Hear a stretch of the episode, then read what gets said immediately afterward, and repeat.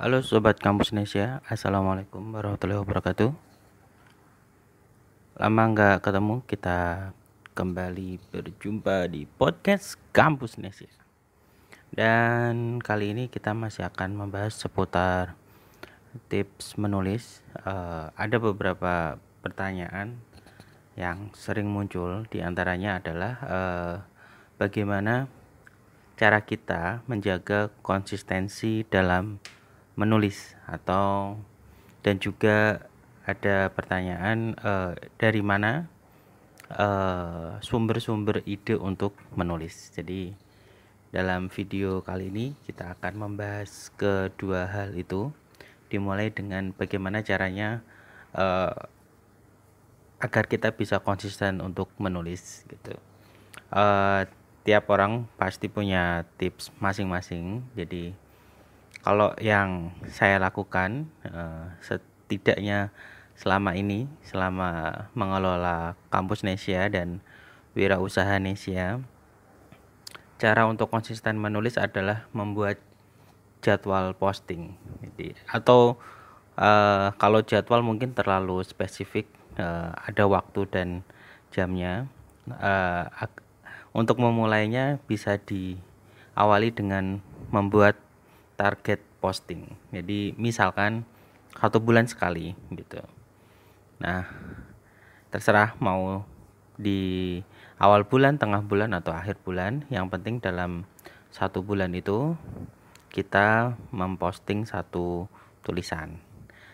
Kalau sudah bisa satu bulan sekali, nanti bisa ditingkatkan setiap pekan sekali, eh, sepekan dua kali, atau mungkin bahkan seminggu tiga kali atau setiap hari satu kali.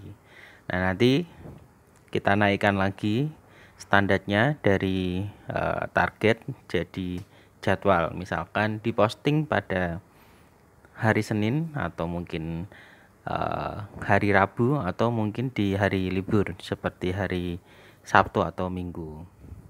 Dan bisa lagi di per detail lagi misalkan di pagi hari, siang hari, atau malam hari. Nah, ini terkait dengan yang kedua tentang uh, waktu. Jadi, salah satu menjaga konsistensi adalah biasanya uh, kita setelah sekian lama uh, menulis akan punya ritme atau uh, waktu waktu terbaik untuk menulis dan tiap orang ini beda-beda kalau saya pribadi saya lebih suka nulis di pagi hari antara jam 6 sampai jam 8 dan malam hari sepulang kerja eh, antara jam 8 sampai jam 10 itu waktu-waktu yang yang yang saya sukai di mana biasanya uh, ide-idenya juga segar gitu. Nah, tentang pertanyaan uh, dari mana kita mendapatkan ide sebenarnya ide itu bisa datang dari mana aja. Dan nggak melulu dari hal-hal yang besar dan penting seperti yang dulu kita pernah bahas di uh, tips menulis ya. Uh, sering kali bahwa ide-ide itu bisa muncul dari hal sederhana hal yang sepele mungkin menurut kita dan juga bisa datang di mana saja dan kapan saja maka kalau yang biasa saya lakukan adalah uh, ketika ada ide yang terlintas, maka saya uh, mendokumentasikannya atau menangkapnya dengan cara menulis, entah itu di notes HP, ya, HP kan pasti selalu dibawa ya, atau uh, kalau ada notes catatan, buku catatan bisa ditulis, atau mungkin,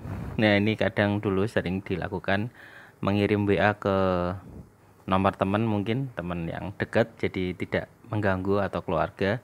Dan kalau dulu mengirim SMS ke nomor sendiri. Jadi nah nanti potongan-potongan ide itu ketika kita sudah ketemu mood dan waktunya nanti bisa diperkaya bisa di digali lagi bisa diperluas idenya sehingga menjadi tulisan yang utuh gitu dan uh, sebenarnya uh, dalam hal apa pun yang kita lakukan uh, seperti yang saya sampaikan tadi awal pasti ada yang namanya ritme atau pola. Nah, demikian juga teman-teman kalau teman-teman perhatikan sebenarnya kita bisa membuat konten atau dalam hal ini adalah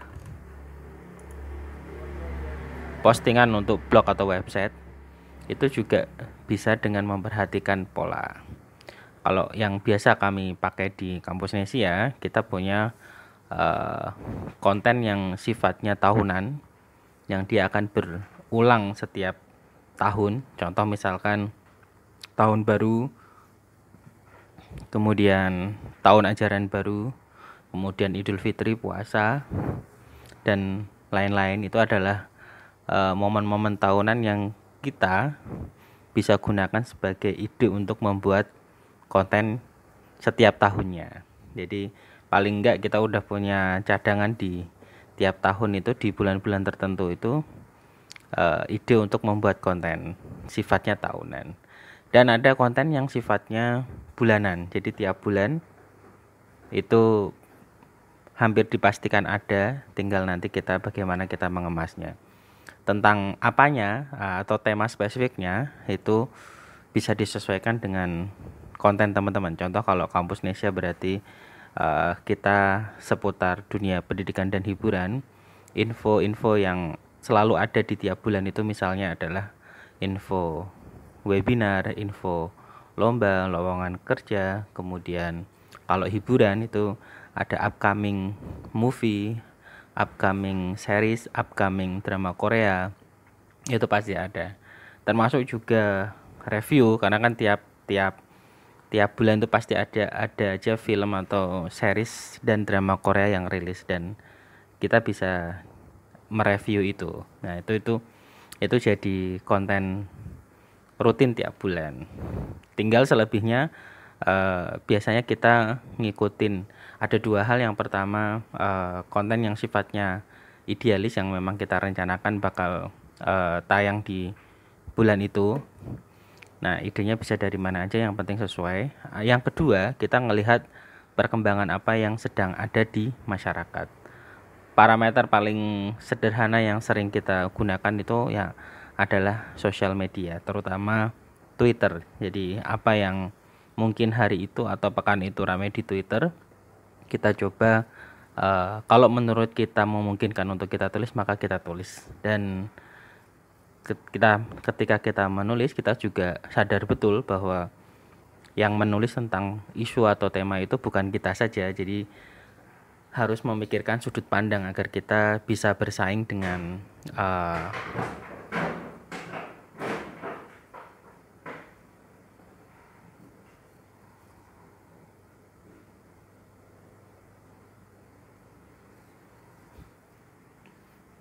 jam 3 pagi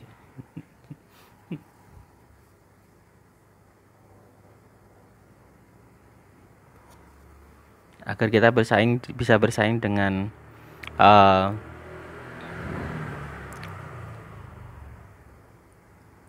platform-platform yang lebih besar dan established serta mumpuni dalam hal uh, SDM gitu. Dan selebihnya ya kita tinggal tunggu hasilnya seperti apa respon pembaca atau netizen dan masyarakat. Nah, nanti kalau ada yang mungkin bisa dikembangkan eh, uh, lagi maka kita bakal membuat turunan dari konten yang direspon baik oleh masyarakat itu gitu. Misalnya apa? Misalkan uh, contoh waktu itu lagi tren tentang uh, drama Korea Vincenzo ternyata ini membawa perbincangan tentang mafia. Nah, kita bikin konten yang berhubungan dengan drama itu tapi kita kaitkan dengan apa yang ada di dunia nyata yaitu tentang mungkin daftar berita tentang mafia yang ada di Indonesia atau yang lainnya. Oke teman-teman, demikian tadi video sharing kita kali ini. Terima kasih yang udah nonton. Jangan lupa like, share, and comment. Dan kita ketemu lagi di uh, video-video uh, berikutnya. Jangan lupa baca konten kita di media online campusnesia.co.id dan bagi sub pelaku UMKM kita punya website baru namanya wirausahanesia gmail.com Terima kasih. Wassalamualaikum warahmatullahi wabarakatuh.